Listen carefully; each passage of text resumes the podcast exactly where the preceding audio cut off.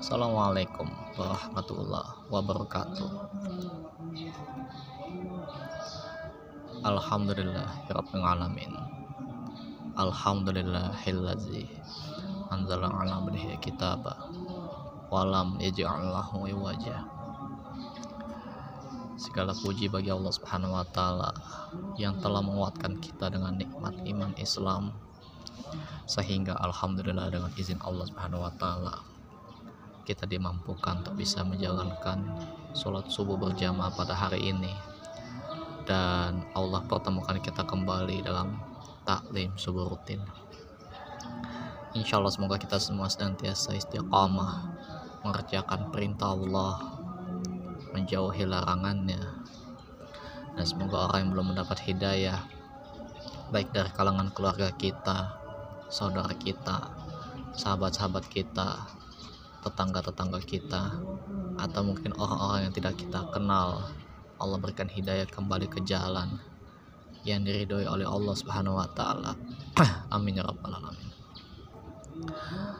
Salawat serta salam semoga tercurah kepada junjungan Nabi besar kita yakni Nabi Muhammad Sallallahu Alaihi Wasallam beserta para keluarganya, para sahabatnya, dan orang-orang yang senantiasa berjalan istiqomah di bawah naungan sunnah Nabi Muhammad SAW hingga akhir hayatnya. Hari ini kita masih bersama kitab Riyadus Solihin karya Al-Imam An-Nawawi rahimahumullah. Semoga Allah merahmati beliau, keluarganya, orang tua beliau, orang-orang yang beliau cintai terutama guru-gurunya dan juga seluruh kaum muslimin di mana pun berada. Hadirin Allah muliakan kita mulai masuk ke hadis pertama tentang takwa. Kita masih bersama bab takwa bab yang keenam yang disusun oleh Al-Imam An-Nawawi rahimahullah kalau sebelumnya kita sudah membahas ayat tentang takwa kali kita akan masuk tentang ayat penjelasan hadis maksudnya. Maaf hadis tentang takwa. Hadis pertama ini dibawakan oleh Abu Hurairah radhiyallahu anhu. Insya Allah di lain waktu kita akan membahas profil tentang beliau namun bukan saatnya sekarang. Dari Abu Hurairah radhiyallahu anhu beliau berkata berkatalah Ali Imam An Nawawi beliau mengatakan dari Abu Hurairah radhiyallahu anhu beliau berkata Qailah ya Rasulullah man akramun nas ditanyakan wahai Rasulullah siapakah manusia yang paling mulia itu pertanyaan dari Abu Hurairah radhiyallahu anhu kepada Nabi kita Nabi Muhammad sallallahu alaihi wasallam. Qala maka Rasulullah menjawab at atsqahum yang paling bertakwa. Simple. Atqahum. Atqahum. Fakola mereka berkata Fakolu Laisa an haza nas'aluk. Mereka berkata Bukan itu yang kami tanyakan. Bukan. Bukan itu ya Rasulullah Kola maka Rasulullah menjawab Fayusufu Nabiullah ibnu Nabiullah ibni Nabiullah abni Khalilillah.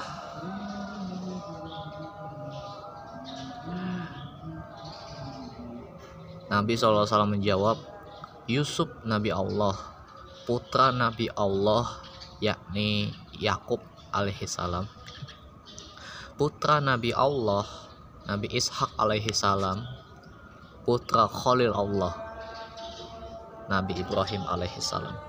Maksudnya Rasulullah langsung memberikan jawaban dengan beserta sanat-sanat keturunan ya.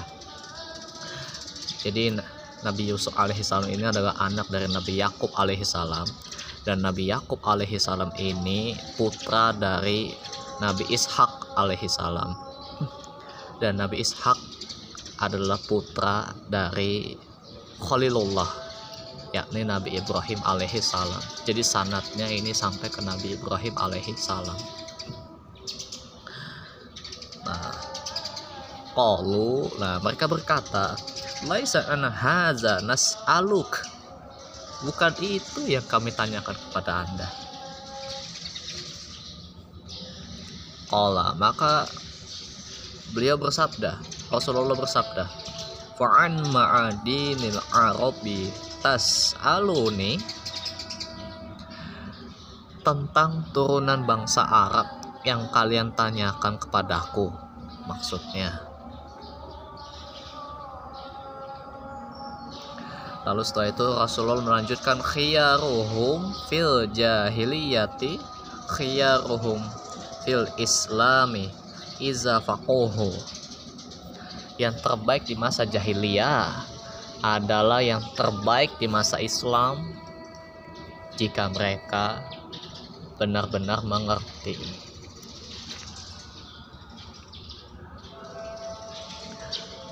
Faquhu dengan qaf di Doma menurut bacaan yang populer.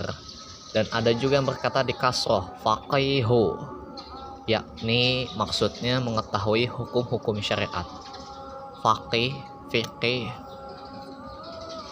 yafqahu fikin eh fikin apa? Maaf.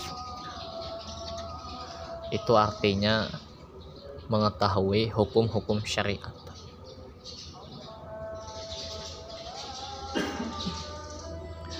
yang terbaik di masa jahiliyah adalah yang terbaik di masa Islam. Yang pah yang sudah mengetahui hukum-hukum syariat.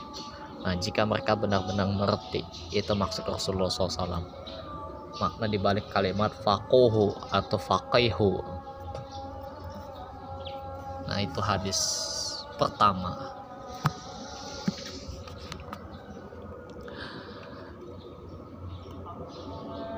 Hadirin yang Allah muliakan siapakah manusia yang paling mulia? Dijawab, bukan dijawab. Ini sudah dikaji oleh Muhammad Abdul Tuasikal, Ustadz Muhammad Abdul Tuasikal, salah satu ustadz yang saat ini masih hidup saat ini tengah-tengah kita yang menyampaikan ilmunya kepada kita semua tentang Riyadus Solihin dan semacamnya. Jadi hadirin Allah muliakan, beliau mengatakan, mungkin ada yang menyangka bahwa yang paling mulia adalah yang kaya harta dari golongan konglomerat yang cantik rupawan, yang punya jabatan tinggi, berasal dari keturunan Arab atau bangsawan. Kata banyak orang ya, yang paling mulia tuh yang kaya harta, yang pejabat, yang cantik, dari keturunan bangsawan, seterusnya. Namun, Allah sendiri menegaskan yang paling mulia adalah yang paling bertakwa.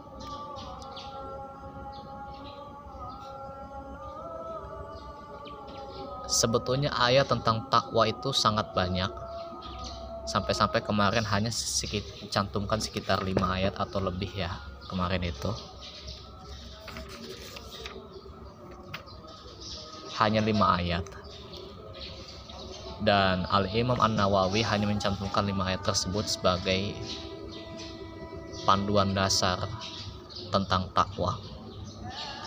Ayat yang patut jadi renungan saat ini tentang masalah kemuliaan yaitu orang yang paling bertakwa adalah firman Allah di surat Al-Hujurat ayat 13. Ya Yohanes, wahai manusia, inna khalaqnakum min zakarin wa unsa waj'alnakum syu'aiba wa qabailah lita'arafu. Inna akramakum innallahi at atqakum. Innallaha alimun khabir. Silakan dicek ulang cek ulang ayatnya. Kalau salah silakan bisa disampaikan kritiknya. Wahai manusia sesungguhnya kami menciptakan kamu dari seorang laki-laki dan seorang perempuan dan menjadikan kamu berbangsa-bangsa dan bersuku-suku supaya kamu saling kenal mengenal. Sesungguhnya orang yang paling mulia di antara kamu di sisi Allah ialah orang yang paling takwa di antara kamu. Nah, ini yang digaris bawahi. Sesungguhnya orang yang paling mulia di antara kamu di sisi Allah ialah orang yang paling takwa di antara kamu. Sesungguhnya Allah Maha mengetahui lagi Maha mengenal. Al-Imam At-Tabari rahimahumullah berkata mengenai tafsir ayat ini. Sesungguhnya yang paling mulia di antara kalian, wahai manusia, adalah yang paling tinggi takwanya pada Allah, yaitu dengan menunaikan berbagai kewajiban dan menjauhi maksiat. Semua ulama setuju perkataan Hasan Al-Basri kalau definisi takwa itu adalah menjalankan perintah dan menjauhi larangan. Sesimpel itu. Makanya tafsir-tafsir yang lain masih nggak jauh dari ini kalimatnya. Sesungguhnya yang paling mulia di antara kalian adalah yang paling tinggi takwanya, yaitu dengan menunaikan perintah dan menjauhi larangan. Cuman itu. Atau kalau bahasa lain menunaikan kewajiban. Syariat Allah ditegakkan gitu. Dan menjauhi maksiat. Ya jangan gibah. Jangan berzina jangan berjudi seterusnya bukanlah yang paling mulia dilihat dari rumahnya yang megah yang tinggi yang bisa sampai dua lantai tiga lantai yang banyak kamar yang ada kolam renangnya kadang atau berasal dari keturunan yang mulia. Tafsir at-tabari. Bisa dicek dalam tafsir at-tabari. Lalu al-imam ibnu katsir rahimahumullah berkata sesungguhnya kalian bisa mulia dengan takwa dan bukan dilihat dari keturunan kalian. Dari tafsir Al-Quran Al-Azim dari Al-Imam Ibnu Katsir. Kita bisa mulia dengan takwa dan bukan dilihat dari keturunan. Keturunan kita kaya raya sebagian besar pada jadi pejabat semua di berbagai instrumen politik gitu bukan itu yang bikin kita mulia Lalu ada sahabat Ibnu Abbas radhiyallahu anhuma, ini induknya pakar tafsir. Ibnu Abbas radhiyallahu anhuma berkata, Mulianya seseorang di dunia adalah karena kaya. Mulianya seseorang di dunia adalah karena kaya. Ini saya ulang-ulang maksudnya biar mudeng gitu ya kalau kita emang hidup di dunia emang cenderung melihat seseorang dianggap mulia harus dihormati itu karena orang ini punya banyak uang misalnya udah sering ngasih kita makan sering traktir sama kita gitu secara umum namun mulianya seseorang di akhirat karena takwanya karena takwanya. Demikian dinukil dalam tafsir al-Bagawi dalam kitab Ma'alimut Tanzil.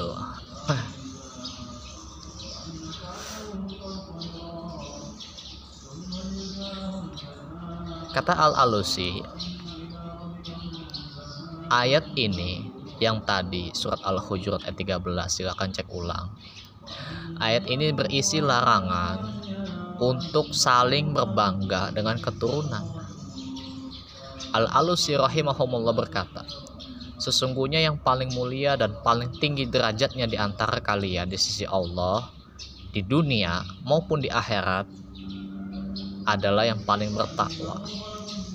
Jika kalian ingin saling berbangga, nah ini lanjut beliau, saling berbanggalah dengan takwa kalian.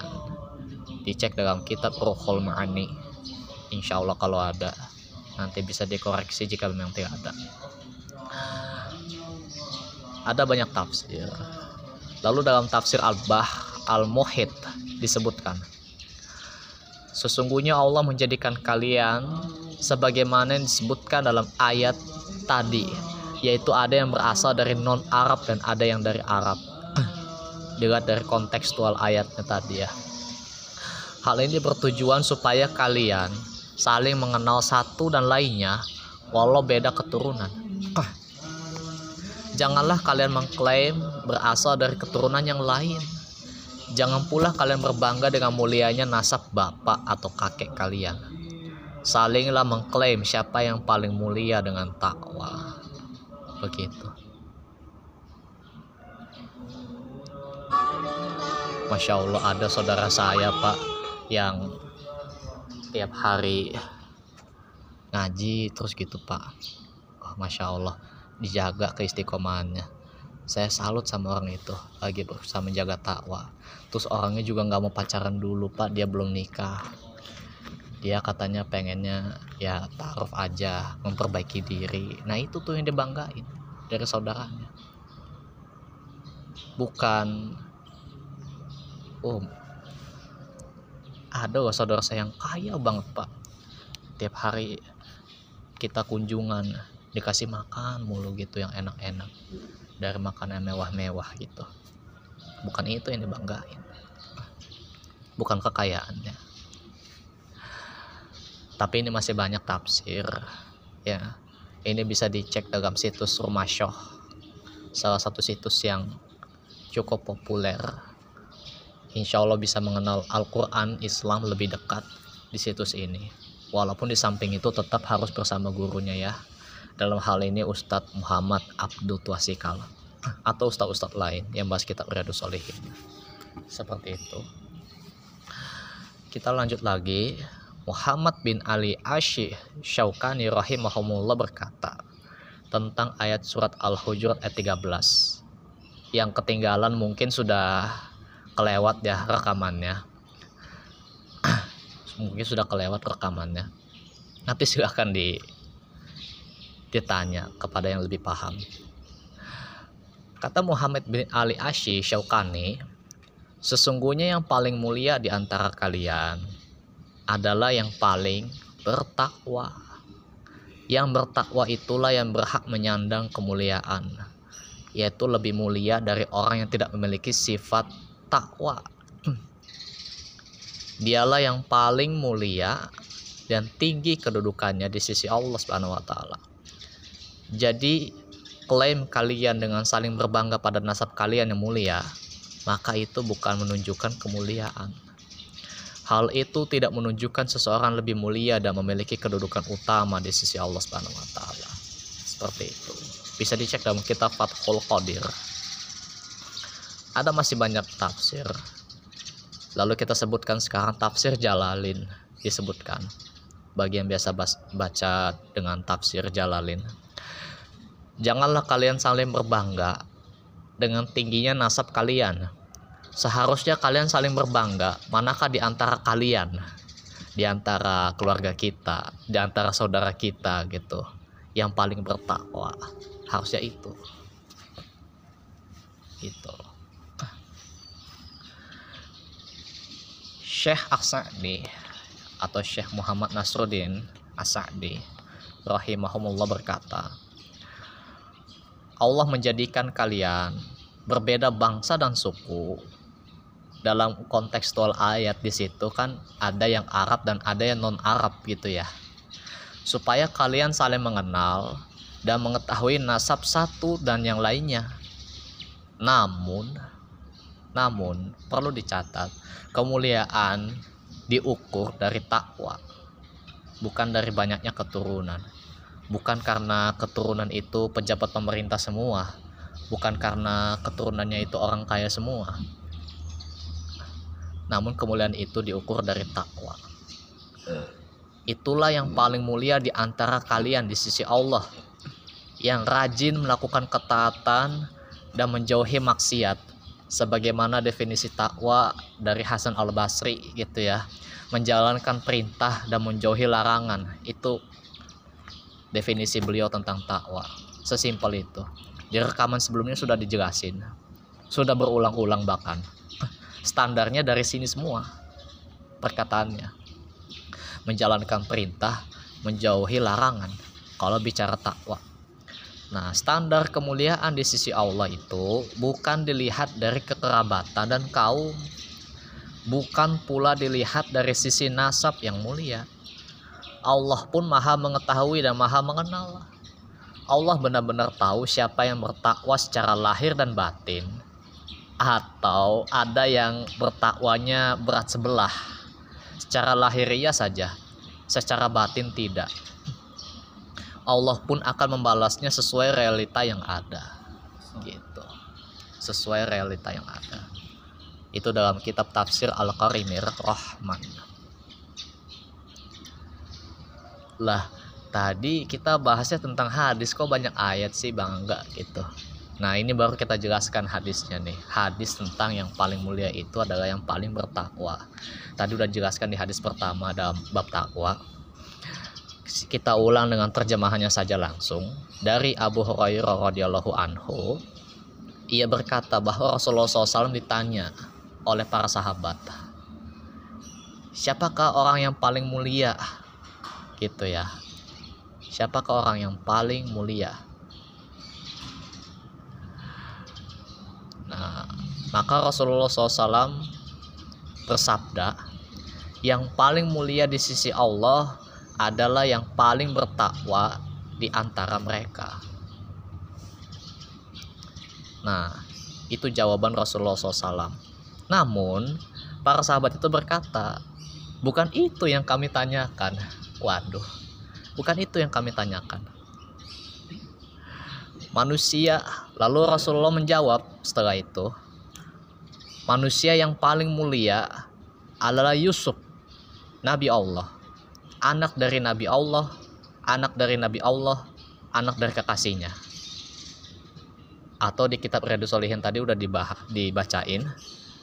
Manusia yang paling mulia itu Nabi Yusuf alaihissalam itu adalah anak putra dari Nabi Yakub alaihissalam Nabi Yakub alaihissalam itu adalah putra dari Nabi Ishak alaihissalam dan Nabi Ishak alaihissalam adalah Nabi Ibrahim alaihissalam. Rasul menyebutnya Khalilullah. Ada di situ nanti. Dibaca ulang. Nah itu jawaban Rasulullah SAW. Lalu para sahabat tersebut berkata lagi, bukan itu yang kami tanyakan. Bukan itu yang kami tanyakan